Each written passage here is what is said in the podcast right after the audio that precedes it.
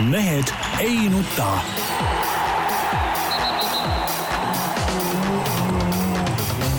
mehed ei nuta. selle eest, et mehed ei nutaks, kannab hoolt Unibet, mängijatelt mängijatele. tere teisipäeva, Mehed ei nuta taas kord eetris. Tarmo Paju Delfist, tervist! Peep Pahv Delfist, Eesti Päevalehest, tervist! Jaan Martinson Eesti Päevalehest, Delfist ja, ja igalt poolt mujalt ja kõik, et noh, meil läks vist mõni sekund üle, üle aja, et ma ei suuda, mehed, aru saada teie koosolekute lemmusest. ei no Üksi- ühel ükski- mehel on minu arust koosoleku lembus, see on Peep, kes jõudis ilmselgelt Mina, kes ma nagu vihkan koosolekuid nagu- ja vot seda ma just imestangi. noh, mis sul enda õigustuseks öelda on äh, on küll õigustus öelda no., Noh. nii. Hommikul oli äh, tähtis korvpallitreening poistega, jõudsin hiljem siia, ei jõudnud kõiki pabereid välja printida ja, ja see võttis aega ja siis nagu alati, kui on kiire, siis kompuuter ei käivitu piisavalt kiiresti, siis printer ei prindi piisavalt kiiresti, nii ta läheb. vot nii on. ja aga mehed, mõelge ikkagi sellele, et üle poole tunni koosolekut pidada on patt, sellepärast et tähelepanu hajub ja koosolek. kas mitte eile, Jaan, kui ma sulle helistasin, olid sa ka mingi segasevõitu koosolekul? Olin jah, see kestis poolteist tundi. aga kas ma olin sulle andnud üldse tööajast koosolekule minna või? Tarmo käskis tulla. Tarmo ei saa sind käskida, sest sa ei allu Tarmole mitte karvavõrdki. Jaa, aga ta- sa pidid kirjutama lugu sel ajal. ja aga ta lihtsalt käskis, ütles, et jõuliselt no vot, eks ma võtan pärast siis Tarmo ette, nii et võta jah tema ette. nii mehed, poliitikast kiire, kardan juba. ma arvan ka. poliitikast on midagi, tähendab Eestis juhtub kogu aeg ja päevast päeva igast asju, noh, kõik need Urve Palo raha lubamised ja siis tagasitõmbumised kõik, aga see, see on niivõrd tavapärane, et, et minu meelest sellest nagu suurt rääkida ei ole, seal on lihtsalt siis on uudis, kui meie riik ühel hetkel hakkab toimima normaalselt ja korralikult. et siis tead, tegelikult meie riik on äge küll, pole häda midagi, see vaata nüüd ma olin jälle ära eh, viis päeva, eks ole, see oli nagu piisav aeg. ma ei saagi aru, kuidas siin üks noor reporter eh, Postimehest, kes oli ka rallil, jäi veel kolmeks päevaks eh, sinnakanti puhkama, et noh, see viis päeva oli juba ülim piir, et ma tahtsin juba ammu-ammu koju tagasi saada, et et, et tegelikult ikka Eestis on ikka, ikkagi õige ette. Jah. autoliiklus on õiget pidi siis hakkab kas või sellest pihta. jah, ja teine asi on ikkagi niisugune malbe öö, tore sügislehed langevad ja ilus, õunu on puu otsas. malbe tore sügis, noh noh, jah ei, tea, see juba läks nagu üle kuidagi mingiks äh, vahepealseks olluseks kätte. täna ilus päike täna on ilus jah, mingit küsimust pole. Noh nüüd on läinud ilusaks. hommikul polnud ka häda midagi. no ühesõnaga võime jätta vahele küll selle, jah, ega siin pole. ei ole nagu äh, suutnud, midagi nagu ei toimu. ei ole nagu suutnud inimesed silma paista tegelikult. et valimised olid ära, aga, aga mis on, edasi saab, nagu midagi nagu pole toimunud. paugud on otsas Jah. põhimõtteliselt, salved on tühjad. jah, nii ta on, räägime siis rallist. Peep käis vaatamas, kuidas Ott Tänak öö, võidu kihutas, no keeras vussi jälle kõik.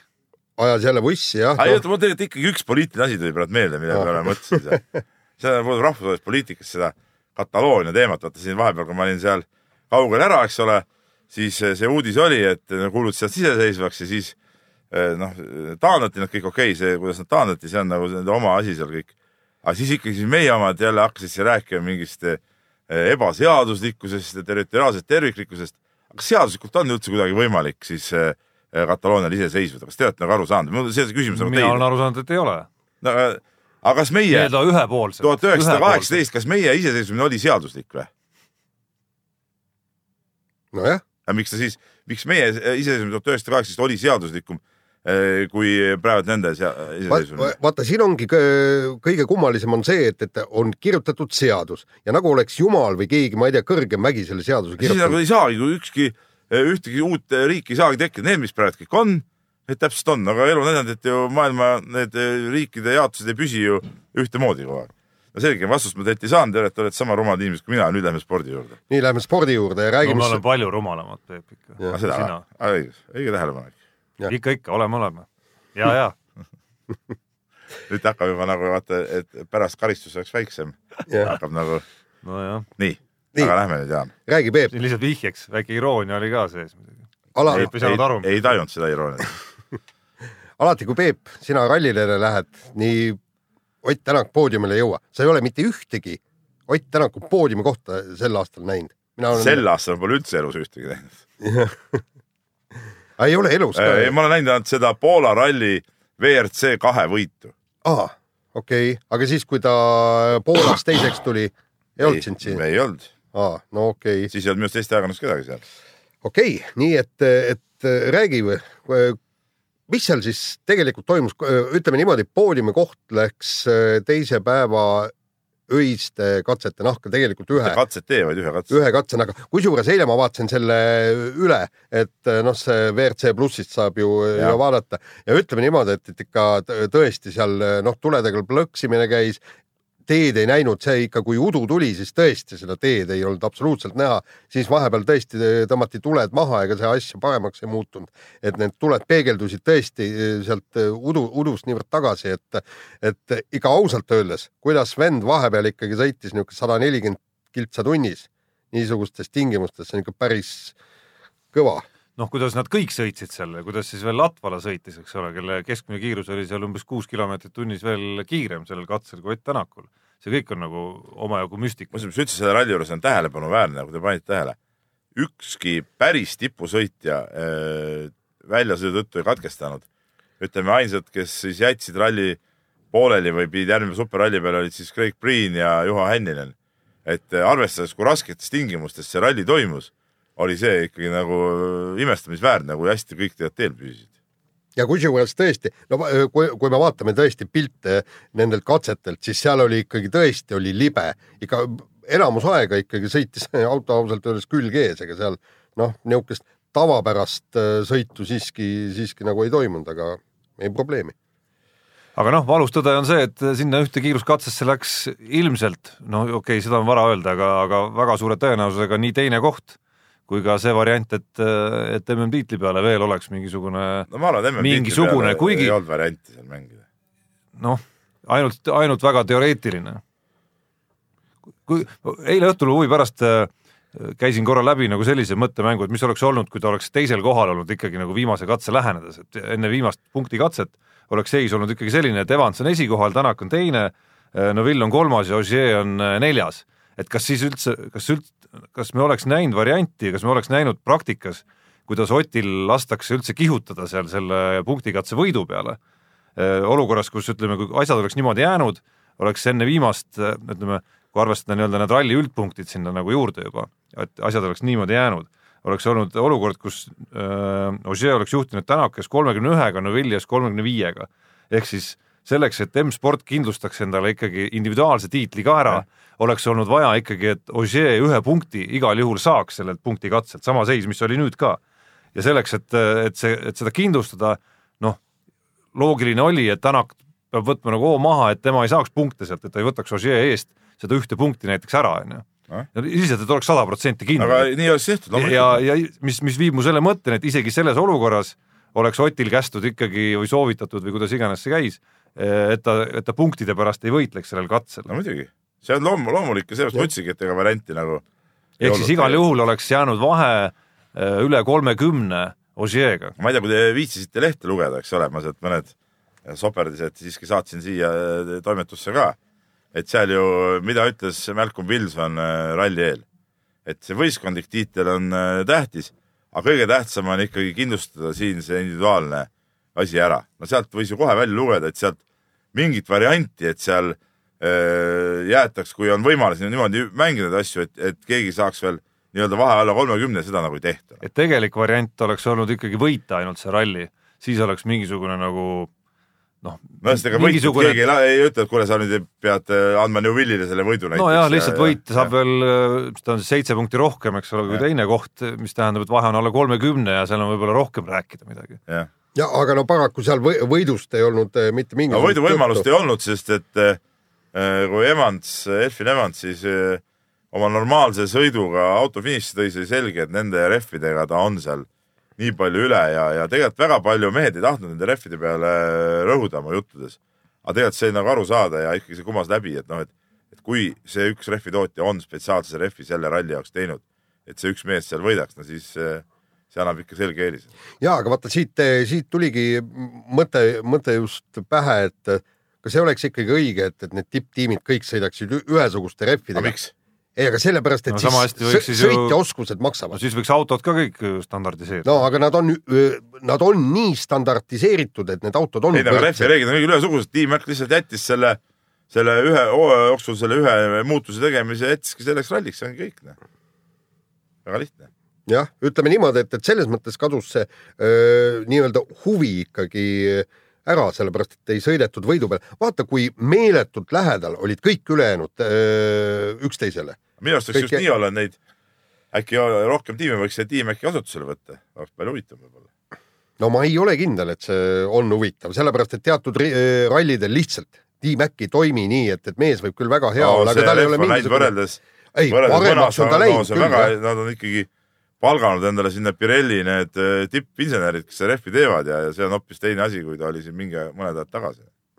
jah, aga aga noh, kokkuvõttes oli selline kentsakas tunne minu arust ralli lõpus, kas sulle ei tundunud, et äh, M-spordi pidu justkui, aga sellest M-spordi äh, nii-öelda pidutsejatest oli Ott nagu kõige omapärasemas rollis, kus ütleme, temal oli kõige vähem nagu selle ralli kontekstis rõõmustada, ka üldkokkuvõttes noh, see nii-öelda esikolmiku koht oli ammu teada, et see nagu jääb, on ju, et, et seal pigem saab see kolmas olema, teadmine, et sa nagunii oled viimast või eelviimast rallit ja viimaseid nädalaid äh, üldse selle tiimi juures, et oli näha, et ta oli nagu mõtetega natukene juba kuskil võib-olla natuke võib-olla mujal ka pärast seda, kui see udukatse ära oli tegelikult äh, võib ka nii sõnastada, et Ott oligi selle ralli äh, kõige suurem kaotaja M-spordi sõitjatest, et äh, M-spordi tiimi sõitja võitis ralli, M-spordi tiimi sõitja võitis maailmameistritiitli ja siis äh, noh, see võ- võistkondlik tiitel sinna juurde, mis nagu sõitjatele endale suurt midagi ei paku.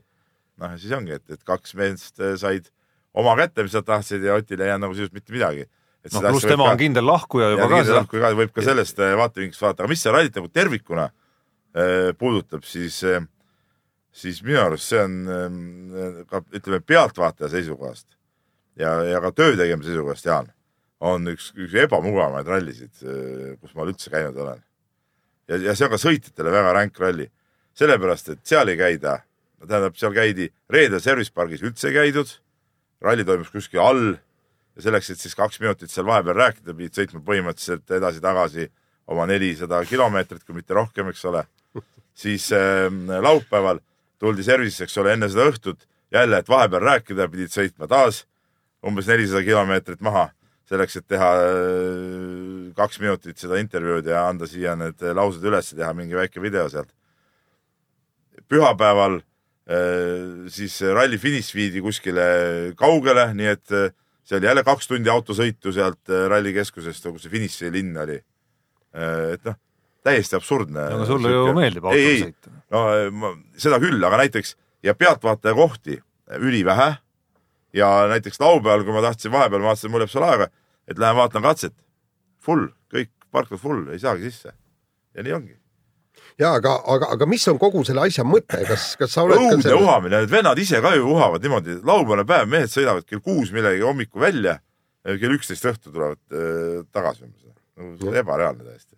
ja aga, aga mis on siis selle mõte, vot ma, ma tõesti ei saagi aru, et kas, kas on see, et, et neid ralliautosid oleks mööda teid kõik kohad täis, et, et noh, publik saaks lisaks veel see, see liiklus, mis seal on, mingid ummikud umbes kiirteedel ja igal pool, et noh, see teeb veel keerulisemaks selle kõik.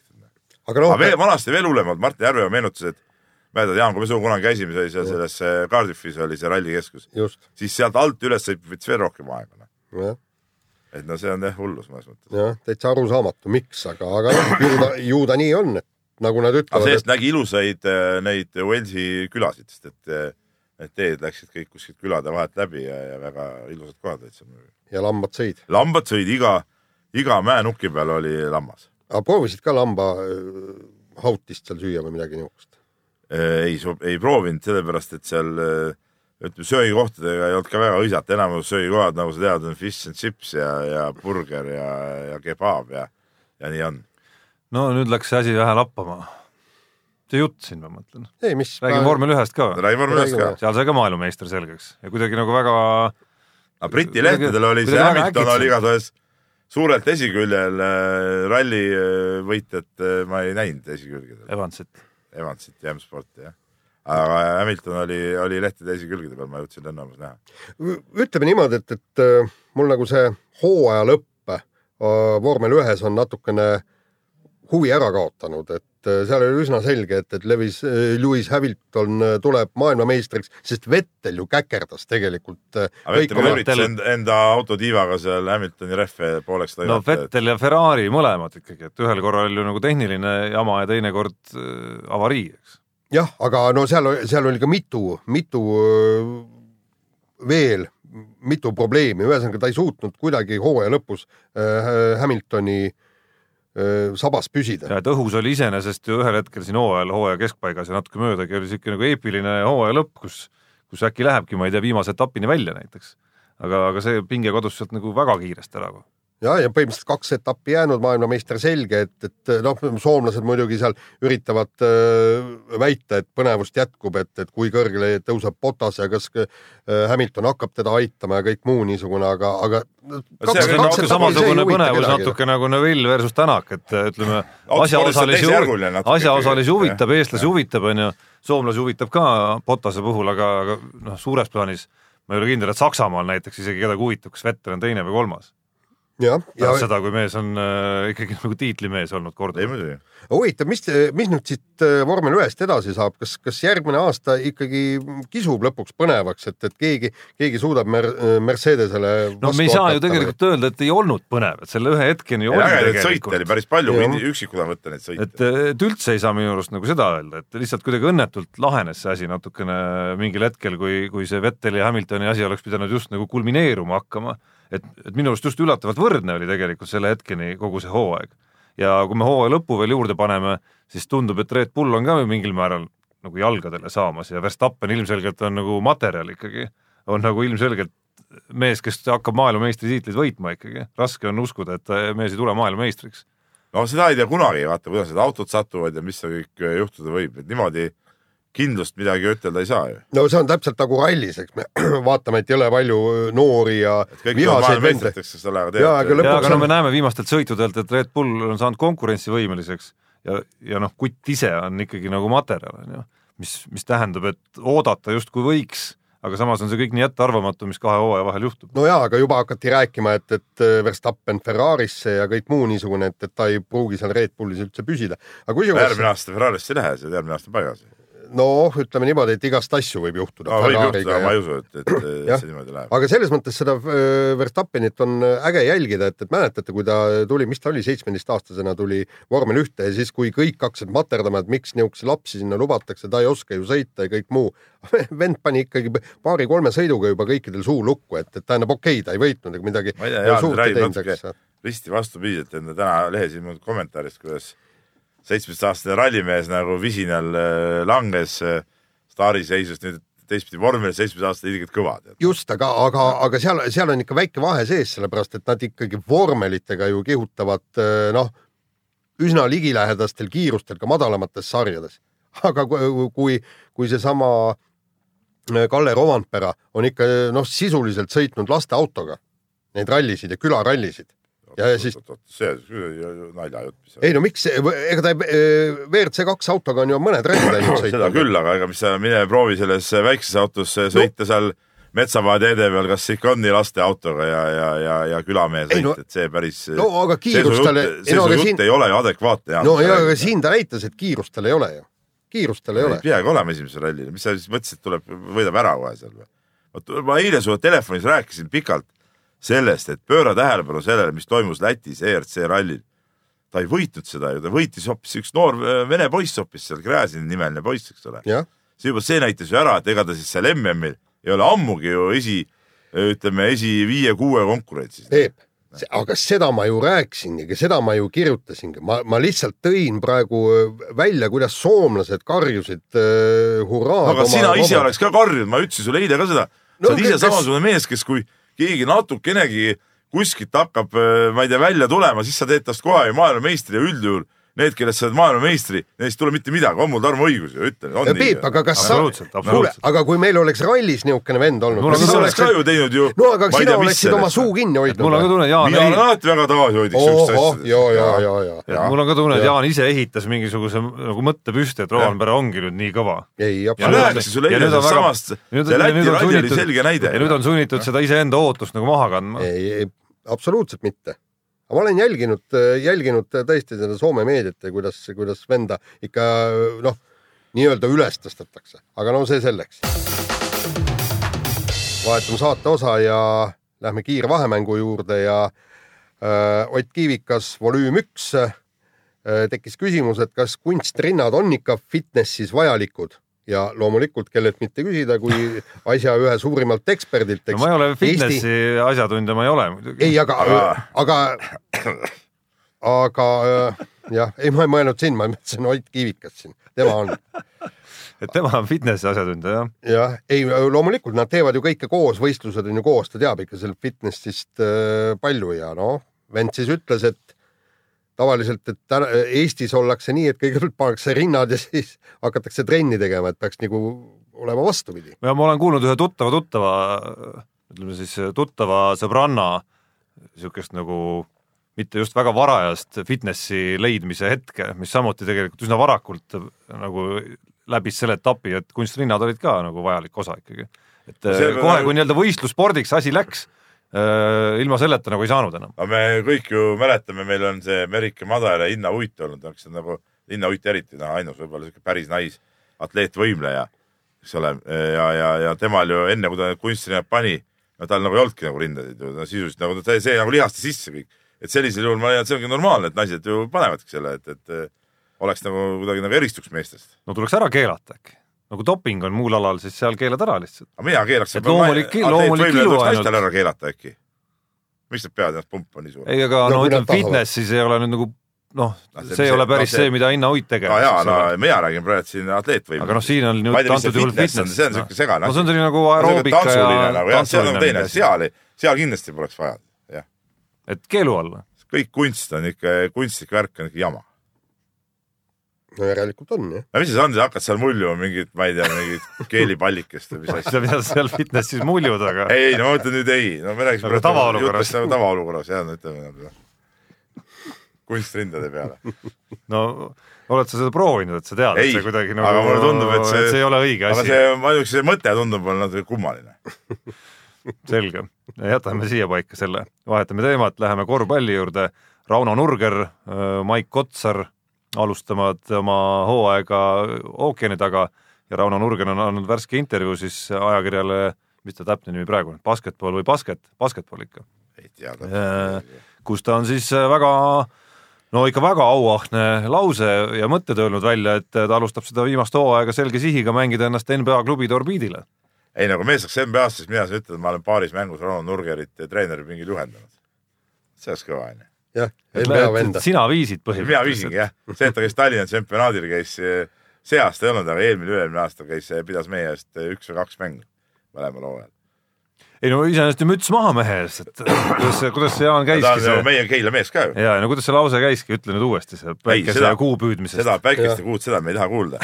aga, aga selles suhtes noh, võib-olla äh, NBA NBA-ks, et noh. no päris kaugel, see on nagu päris kaugel, olgem see on päris kaugel esialgu, et katsuks võib-olla esialgu nagu saada nagu selles üliõpilasliiga mängudes nii-öelda nagu väga selgelt äh, no, Ütleme, rollimängija- rollimängija staatusest oma ülespoole. meeskonna juhtmängijaks nagu, et siis nagu saaks nagu edasi rääkida, mis no. ja kuidas. nagu ma olen kuulnud äh, siit ja sealt, et äh, Eesti koondises, kas ta oleks põhitsenter või ei oleks Ra? Rauno Nurger. No seda on raske ütelda praegu noh. no vot ma, pigem arvan, et oleks ausalt öeldes. on meil väga Meil suur nagu, on meil väga suur valik see on- selle koha peal praegu no vot, noh, keda me ta võtame, keda mitte aga, kas ta oleks domineeriv mängija? ei oska, ei julge pakkuda praegu no.. noh, ei ole selles rollis näinud teda ülikoolis, olen eelmine hooaeg mõnda mängu sai ikka vaadatud. et noh, selgelt see roll ei olnud tal, noh, ta oli rollimängija rollis ikkagi ilmselgelt. et selles mõttes on väga huvitav nii tema puhul kui Maik Kotsari puhul, mis see, mis see suvi need muudatused võistkonnas teinud siis on aga mingil juhul me ei tee nagu, nüüd oleks vale arusaam, et me ei tee nagu seda kindlasti mitte. püüdlust nagu maha, et, et see on nagu vägev igal juhul. Aga oskate te öelda, mida ta peab siis juurde panema, juurde tegema? keskpositsiooni viset vaja või, või, või lihast juurde, parandada arvan eelkõige, kaitsemängu. eelkõige enesekindlust ja julgust hakata ise tegema. Mhm. see on rollimängijatel kõige raskem nagu sellest rollist väljatulekuks peab olema teisel, hoopis teisel levelil see enesekindlus, et sa tegelikult eh, hakkad ise seal eh, asju tegema ja otsustama, see on ülioluline. ja noh, teine asi, mida ta ise ikkagi ütles äh, ka selles samas loos välja ja sellest on varemgi palju juttu olnud.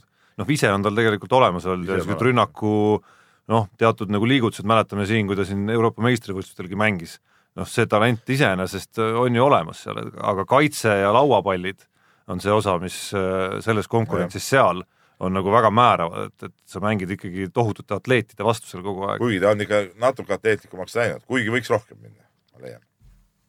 nii, aga lähme edasi ja äh, Sebastian Ogeri lauale on siis tulnud äh, kolmas pakkumine veel kahe võimaliku variandi puhul, kuidas äh, karjääri jätkata ja selle tegi siis abikaasa, kes siis pakkus välja, et ei ole mõtet minna Citroeni ega M-sporti, vaid jää koju, koduseks.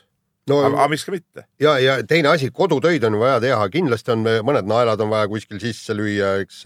noh, seal puid on vaja lõhkuda, sauna kü- kütta, lastega loomaaias käia, et kodutöid on ju palju. naine peab praegu kõik üksi rahmeldama. vaata nagu Ott Tänak juba sõidetud ka ja? ja on juba sõidetud ka ja pappi ka peaks ja. olema, vaata Ott Tänak ju räägib, et kakssada pluss päeva on kuskil välja, väljasmaal ja, ja, ja see ei ole tõesti hea pere, pereisa kohta.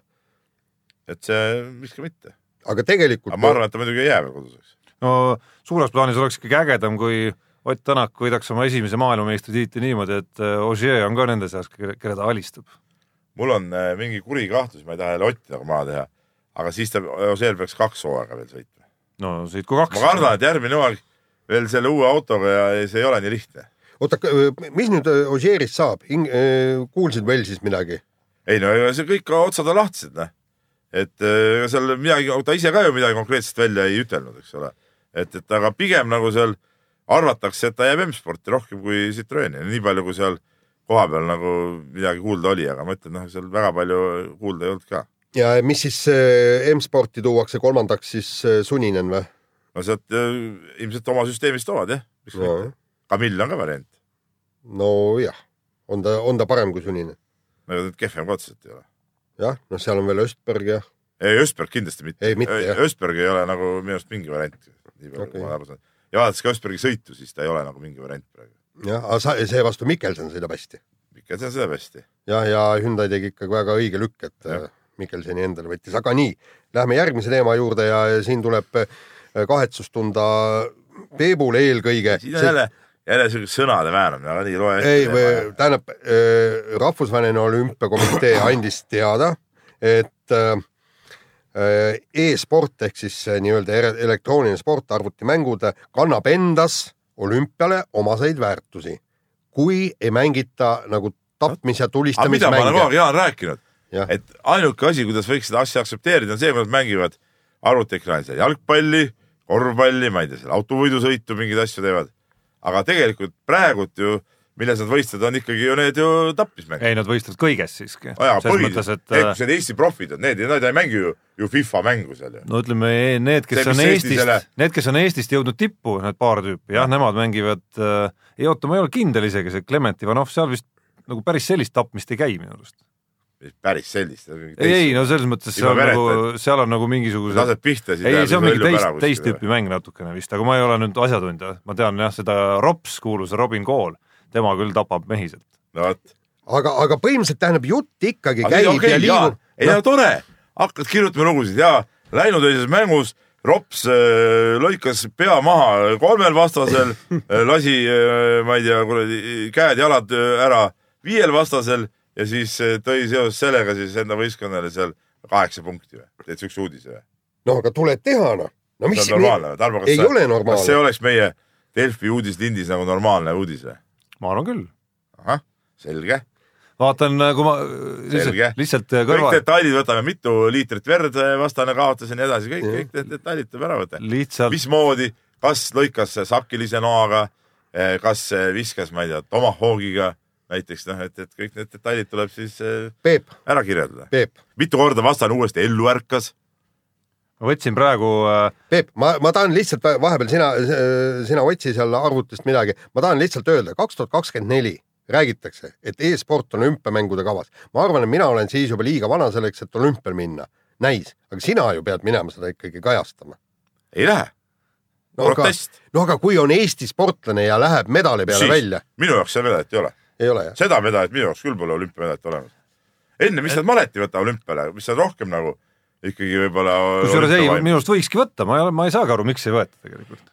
jumala täiesti vabalt võiks võtta, annaks ju mingi siukse ütleme kiirvormi, mingisuguse kiirmale vormi leiutada play-off süsteemis.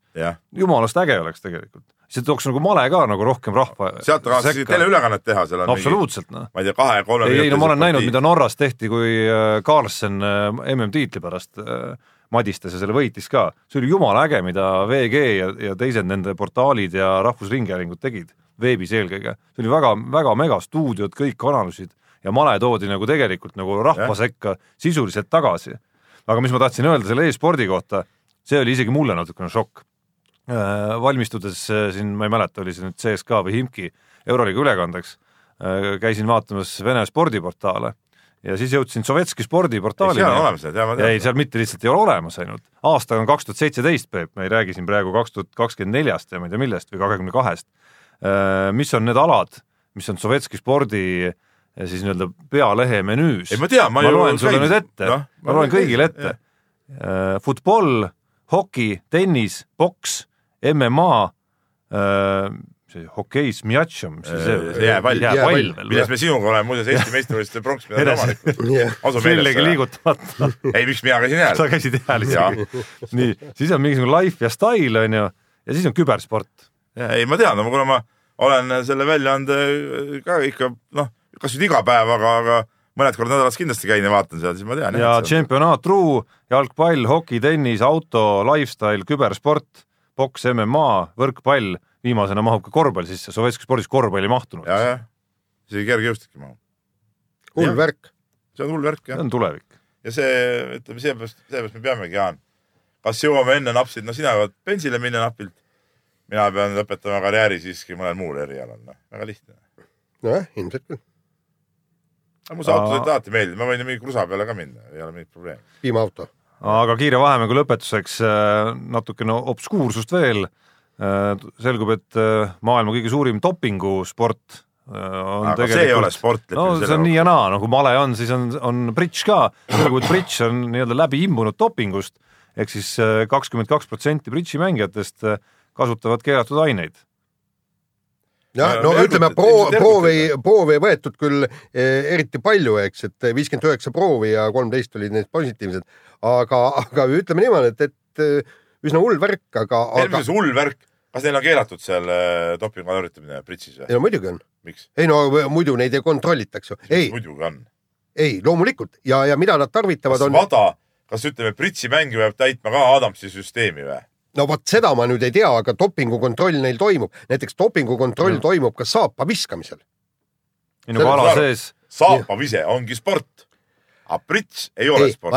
aga mida nad kasutavad, on see, et, et kuna need turniirid on hästi pikad ja mä- mängupäevad pikad, siis väse, väsimuse leevendamiseks kasutavad nad teatud stimulante. sa räägigi ergutid. jah, just ja teine asi, et eh, nii-öelda emotsioonide mahavõtmiseks, et nad väga eru, ei erutuks, on need beeta-blokaatorid.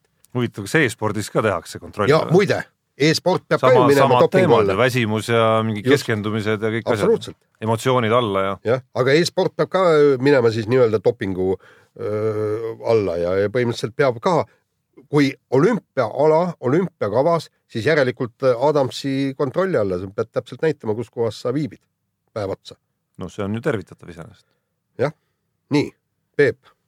kuigi seal, osa, kuigi seal see Adamsi programmi mõte muidugi on noh, noh, ütleme see, need lähevad selles mõttes lahku, et seal on vaja just reaalselt võistluse ajal just, kasutada neid asju. okei okay,, võib-olla nagu trenniperioodil ka, et kauem nii-öelda jaksata seal möllata, võib-olla seal on ka kasu. nii, Kirjade. rubriik, muidugi kirjades on, on palju teemasid selliseid, mis meil tulevad veel, veel käsitlemisele, aga, aga äh, ikkagi ma selle ühe, ühe teema tooksin siin välja, mis puudutab käsipalli ja, ja küsimus Tauri poolt lihtne, et kas Eesti käsipallikoondis vajab oma Gretut ehk siis, ehk siis niisugust peatreenerit eh, välismaalt, et meil on ju head mehed, aga aga võib-olla treener ei vea välja siin Tauri meelest. no ütleme nüüd niimoodi, et, et äh, enne Gretut oli ka Eesti treener, eks, Aavo Keel ja oli ka väga hea treener. Gretu ei ole kindlasti just see mees, kes ainsana suudaks võrkpallurid mängima panna. ma lihtsalt leian, et, et need öö, käsipallurid peaksid, ma ei tea, rohkem uskuma endasse, pingutama, tegema nagu need võrkpallurid, nad on ju alati kohal, alati annavad maksimumi, tähendab, alati ei ole kohal, mõned mehed küll ka puuduvad, aga näiteks kui on tiitlivõistlused ja valikmängud, siis nad on kõik, kõik kohal ja ma arvan, et, et küsimus ei ole ainult treeneris. ma arvan ka, et, et, et saavad, saavad siin ise Eesti mehed ka hakkama, et ei ole siin see vaja neid välismaa treenereid siin nii kangelase rolli nagu tuua midagi. No Jaan ütles selles mõttes õigesti, et asi ei ole ju välismaa treener või Eesti treener, et ja see on natuke põhimõtteline küsimus ka. noh, ma ei tea, ma seda nagu fronti ei avaks isegi, seda vaidlust praegu, et küsimus siin, küsimuse küsimus on tegelikult nagu Rein Suvi persoonis ju tegelikult. Pole sellel Noh, Reinul häda midagi, Rein on tore mees. no ütleme, viimased, me jõuame nüüd käsipallini muidugi saate lõpus uuesti, aga aga noh, viimase kahe mängu põhjal on, oleks nagu patt väga nuriseda iseenesest. varasema põhjal küll. Nii, aga äh, kuna käsipaist läbi räägime, siis pikemalt sellele ei peatu praegu. Marti kirjutab meile ja Martil on väga konkreetne ja minu arust väga asjalik ettepanek. kirjutab siis nii, et äh, nimelt pean kohaseks, et Malcolm Wilson saaks kahekümne neljandal veebruaril Eesti Vabariigi poolt tunnustatud sobiva ordeniga. Neid antakse ju ka välismaalastele, kellel on teened Eesti riigi ees. Teil kui neljanda võimu esindajatel palun see ettepanek avalikuks teha, et mõte ühiskonnas idanema hakkaks. Ei saa ju loota, et Kadriorg päris ise sellise asja peale tuleb. no minu arust absoluutselt äh, õige ettepanek, sest et äh, kui ei oleks Malcolm Wilsoni, ei oleks meil rääkida nii-öelda Eesti äh, eestlastest äh, tipprallis äh, mitte kriimu ridagi, ütleme nii. ja ütleme niimoodi, et, et välistreenerid on ju saanud minu meelest medaleid ja ordeneid on, on Haftenson on vist minu meelest saanud. jah, aga ma ei tea, Ja- kas Sergeiga saab. ja, ja see jalgpallitreener, kes see esimene oli, see ka islandlane. Teitur? Teitur. Torvatson, tema sai ka ja, ja vot mina ei oska nüüd tõesti öelda, et kuidas see me- medalite ja ordenite omistamine käib, aga igal juhul, kui, kui mingisugune organisatsioon võiks selle taotluse teha, meie ilmselt siin ei saa saatega teha, et, et siis paluks, paluks seda kindlasti teha.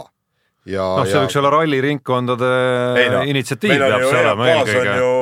äh, autotehnikas, autospordikomisjon, mida juhib äh, härra Kruda isiklikult, et äh, sealtkaudu peaks see tulema. ja, ja, ja kusjuures Margus Kiiver, kes on, töötab ka EOK-s, kes on ka öö, suur rallihuviline, rallifänn ja asjatundja, et, et temale ka vihje. Nende kaudu peab see, peab see info presidendi kantseleisse nagu liikuma. just ja eriti nüüd, kui Ott Tänak lahkub M-spordist.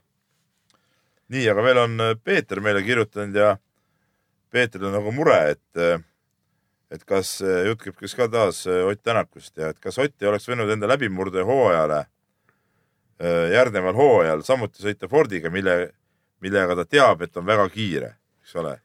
et kui kõik solidaarsusjutud kõrvale jätta ning arvestada ühe asjaga ehk kiirusega, et kas ei oleks olnud äh, kindlam valik. no siin jutt läheb veel edasi äh, Toyota ja, ja nende asjade võrdlust ja jõuab isegi äh, Marko Märtin ajaga, ajaga välja, kui Marko Märtin siis ka enda jaoks mugavast Fordist läks Pesoosse ja, ja tegelikult seal selle autoga seda kiirust ei leidnudki üles. no tege, tegelikult ta, ta leidis küll, me just hiljuti vaatasime, et, et ta, ta tal oli oli Rootsis see teine. Ja, ja ei, ei aga, aga tol õnnetul hooajal, kui ta oleks need viimased rallid ära võitnud, ta ei oleks tulnud tšempioniks, ta oleks tulnud küll MM-il teiseks. et, et ta sõitis tegelikult päris, päris vahvalt, oli hästi mitmel korral ka poodiumil, et aga no mis. võitu ei tulnud.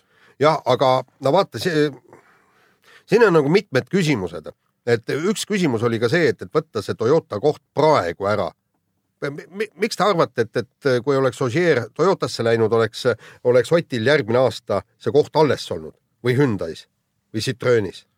et, et, et ta vaataski ju pikemat no perspektiivi nagu Peep, sa ütlesid eile meie rallistuudios ka, et see ei olnud kindlasti ühte aastasse suunatud otsus. ei, seda kindlasti mitte. et seda, selle otsuse nii-öelda õigsust ei saa ilmselt ainult järgmise aasta järgi hinnata veel. jah, aga teisalt eh, ma olen üsna kindel, et järgmine aasta oleks tal olnud Fordiga suuremad võimalused eh, paremat tulemust teha kui selle Toyotaga. Aga jah, tõesti, siin peab vaatama seda pikemat perspektiivi, nii nagu Ott ise ka on selle kohta ütelnud. jah, ja kui ta, kui ta saab praegu Toyotasse, sõidab hästi ja kõik, siis, siis võibki ta sõita seal Toyotas ju järgmised viis, kuus, seitse, kaheksa aastat, eks. nii, aga me kiiresti võtaks ühe väikse kirja, ütleme, see on üherealine kiri, aga siis me peaksime tegema siin oma saateprogrammis väikse vahetuse, et minema siit edasi TLÜ Kalevi teemaga, me saame seda just teha. Et on siis äh, kirjutatud äh, ja küsitud, et äh, Peep, et äkki siin on sinu suur võimalus ja siis jutt käis siis TLÜ Kalevi peatreeneri vallandamisest, eilsest uudisest, et, et on vaja sinna uut, uut peatreenerit, aga ma ütlen kohe ära, et no, vaadates seda juttu, mida klubijuhid härra Sten-Erik Jansoni suu läbi siis klubijuht rääkis, siis sellisesse klubisse ma küll ei tahaks peatreeneriks minna, et see on kas sa ütleks tõesti ei, Peep? jaa, sest see on täielik umbluu ju.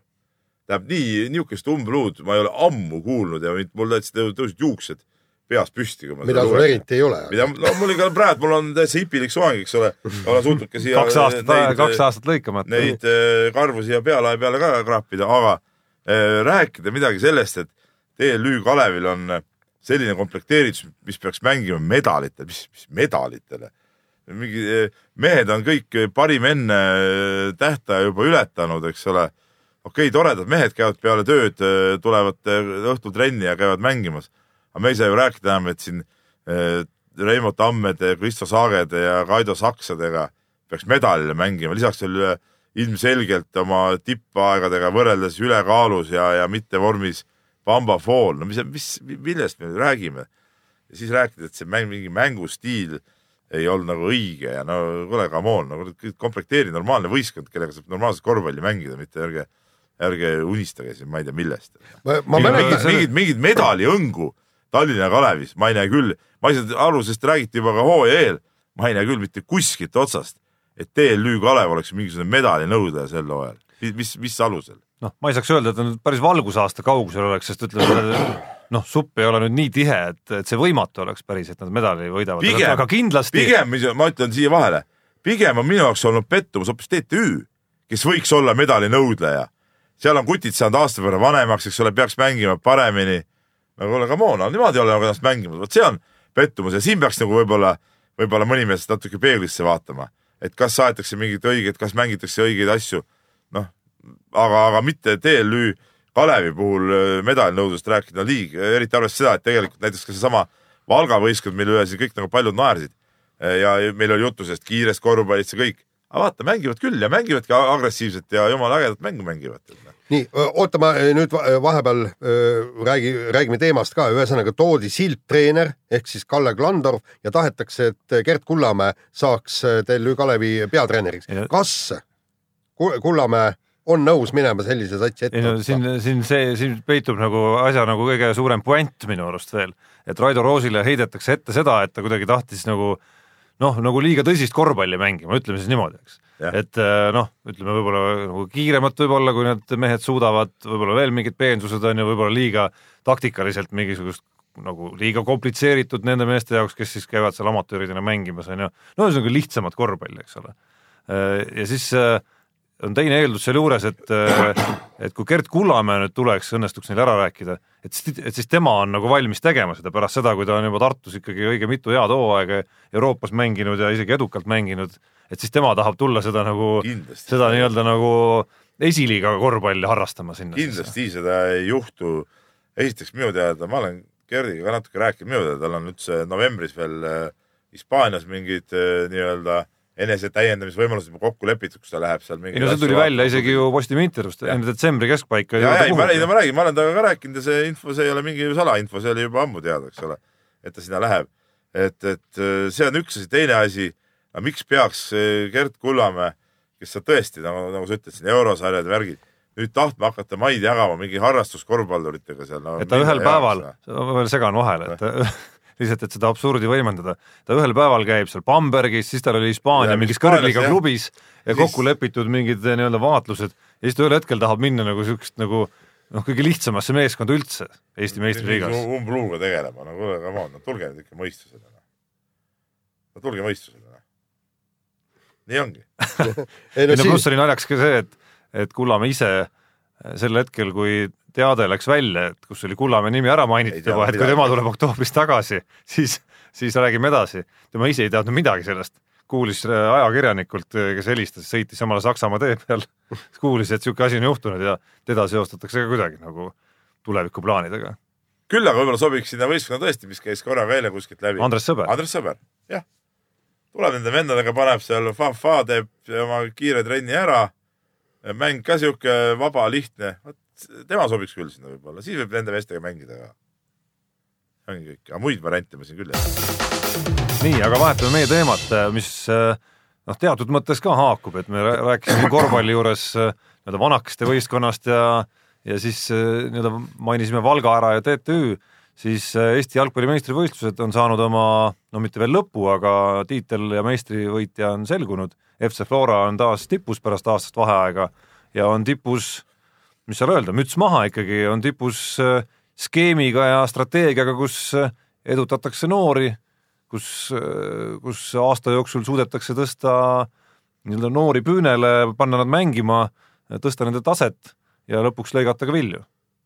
no mul, mul on siin üks väike, väike kivi ikkagi jalgpalli asjatundjate kapsaaeda, sellepärast et hooaja alguses äh, ei julgenud keegi pakkuda äh, Florat äh, tšempioniks.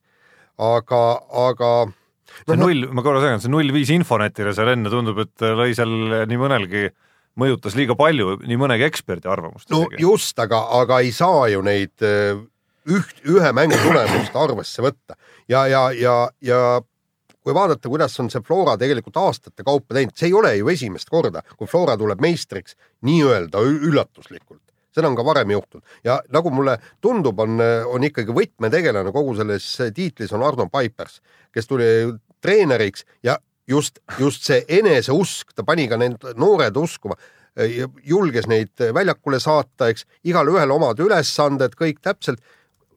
teeme need ülesanded ära, nagu ta ütles, et nad on eh, tšempionaadi jooksul eh, teinud ainult ühe vea ja ühe mängu nagu käest ära lasknud, ülejäänud nad on täpselt rütmis püsinud. See on ka õige, no see on ka see tänapäeva sport, kui on tarvis eh, uusi mängeid ju pidevalt nagu nii-öelda juurde toota, sul ei olegi muud varianti, sa peadki neid noori kogu aeg tõstma, eks ole, siin ütleme, võtame see Eesti jalgpalli ka, siit ju paremad mehed ju lendavad kõik laiali kuskile Euroopasse.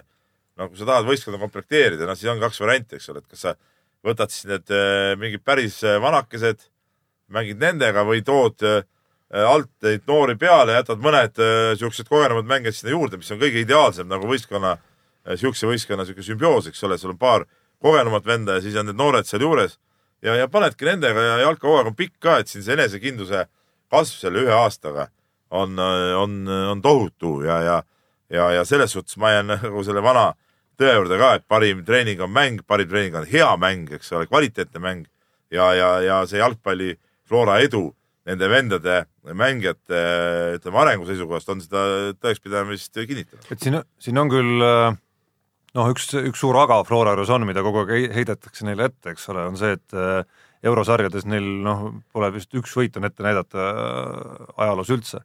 et või üks edasipääsemine siis, et ma isegi ütleks, et see on natuke nagu teisejärguline isegi, et Eesti klubid minu arust ei hakkagi, ma ei näe seda, et Eesti klubid hakkaksid kunagi Euroopas nüüd mingeid väga suuri tegusid tegema, muidugi majanduslikult oleks üle kasulik nagu Nõmme Kalju iga kord ikkagi mingi ring vähemalt läbida. ma saan aru, et äh, meistritiitli eest tulevikus see saadav tasu vastu ongi nagu parem, sest süsteemi muude, muudetakse ja ja neid mängude arve meistri jaoks vähemalt saab suurem olema Euroopas igal juhul, isegi kui ka, isegi kui kaotad. aga äh, mis seda Florat puudutab siis äh, ja seda nagu mõtlemist tervikuna, siis jalgpallis on esiteks, kui me võrdleme veel võrkpalli või korvpalliga, on neid kohti väljakul juba nagu kaks korda rohkem, eks.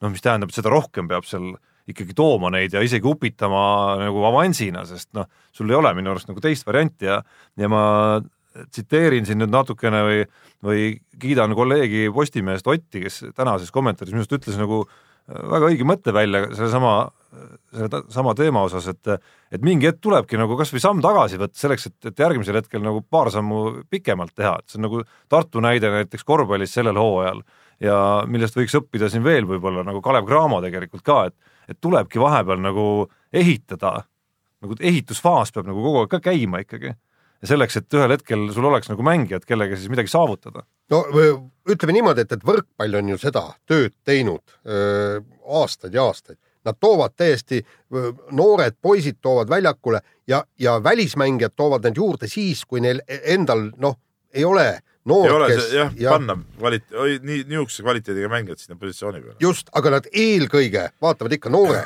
jah, ja siis alles hakkavad kuskilt öö, väljast sisse tooma, et, et see, see on tõesti vihje ikkagi mitmele meie nii jalgpalliklubile kui ka korvpalliklubile. nii, aga Lähme siis äh, saate viimase teema juurde, räägime käsipallist.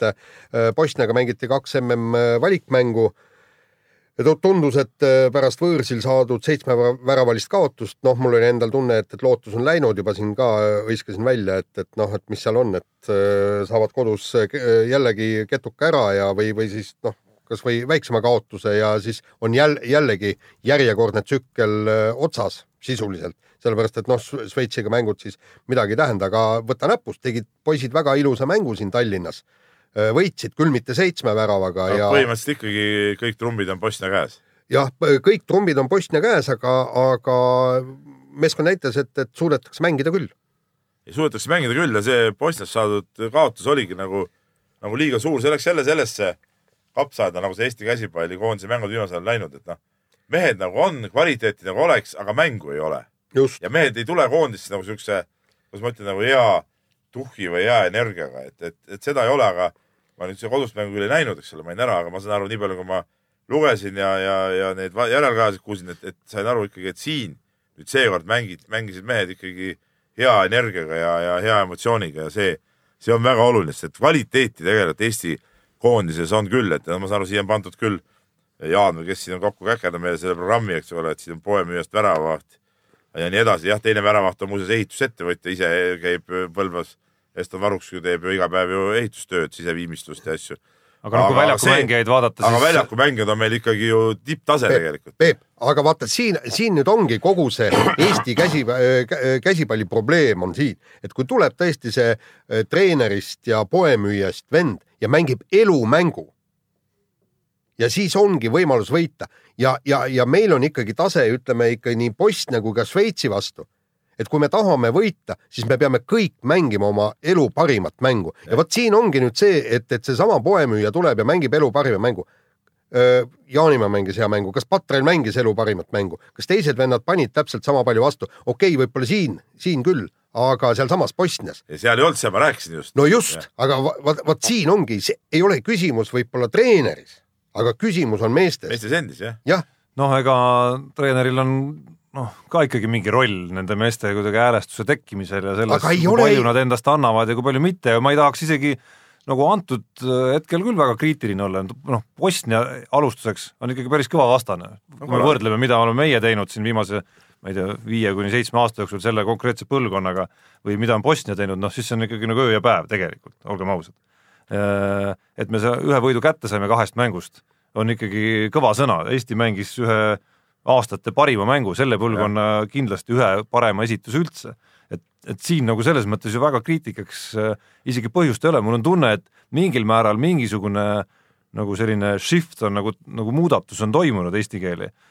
pärast seda, kui siin vahepeal mängiti neid, mis need MM-i mängud vist, kus see oli MM-mäng nüüd? Või ütleme vastupidi, EM-i mängud, kus, kus vahepeal olid need tipud puudu meil, eks ole, kes oli vigastatud ja mis põhjused seal olid, siis mängiti nii-öelda nagu ilma staarideta kuidagi saadi see, mul on tunne vähemalt, saadi see nagu tuhh ja mingisugune vaim saadi nagu üles selles meeskonnas. nüüd tulid staarid nagu juurde ja suudeti mingil moel vähemalt hoida seda ja, ja, ja selles, nende, koos nendega ikkagi kuidagi nagu, nagu uue hingamisega natukene nagu edasi minna. sõltumata sellest, kas nüüd äh, Šveitsi abiga kuidagimoodi saadakse järgmisse faasi või mitte, siis, siis justkui on tunne, et kas just selles samas sarjas, aga, aga võib-olla EM-il on võimalik ikkagi nagu midagi punnida veel, et see, et see võistkond on võtnud nagu niisuguse hoiaku, et, et äh, nüüd saavutada midagi. ja me, me ei saa rääkida punnimisest, kuna EM-il osaleb kakskümmend neli meeskonda. ja, ja, ja seal on nii keeruline süsteem, et praegu mängitakse juba, ma ei tea, mitmendat seda EM-i, et sinna saamine, millal me ükskord sinna saame, on omaette asi. ja aga, aga, aga see oleks, ütleme ikkagi, me, me oleme siin saates ka seda mitu korda öelnud, aga see käsipallipõlvkond tõesti, Patrel, Jaanimaa, kõik, kes seal on, Pinnonen, eks, nende, kui nad ei jõua EM-finaalturniirile, siis, siis on nad üleüldiselt põrunud koondisena. põrunud põlvkond selles suhtes küll, aga siis, kui nad ei jõua. aga mis ma tahtsin öelda meie käsipalli nagu siukse nagu Äh, toetuseks või, või, või tänu millele see meeskond on hea, me siin mõtleme küll, et jah, osad amatöörid siin, teevad kodus tööd. ega nad ei ole nüüd päris sellised mehed ka, kes siis äh, teevad tööd ja käivad veel kolm korda nädalas seal harjutamas.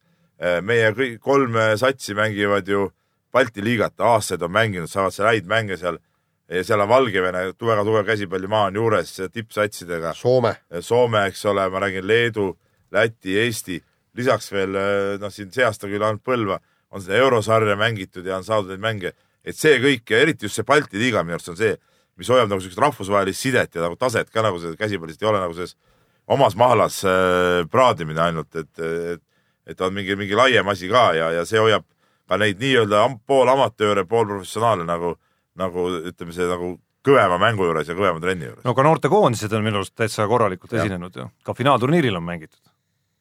Et et ikkagi nendest kantsidest noh, eesotsas Põlvaga äh, tuleb nagu päris arvestatavalt ja süsteemselt peale ja nüüd, kui Tallinnas on ka äh, nii-öelda jutud käima jälle pandud, kui Andres Sõbra väljendeid kasutada siin Leppade juhtimisel. Ja- ja väga kõvasti käima väga ei no uskumatult kõvasti ikkagi tühja koha, noh, selles mõttes ikkagi enam-vähem nullist, et äh, kümme aastat tagasi noh, polnud õieti midagi ju ees, enne kui Risto Lepp hakkas, hakkas midagi ehitama. siis noh, siis seda paremaks see geograafia veel läheb noh. absoluutselt. Nonii, käsipalliga lõpetasime, saade on ka läbi. nautige Eesti ilusat sügist, praegu päike paistab siin kardinate vahel kuule, siin saab äh, golfirajale minna, Jaan. ja siis jah, just täpselt ja minge mängige golfi ja kuulake meid eh, taas nädala pärast tehke. parem päris sporti. e-sporti mõtlesid? mehed ei nuta.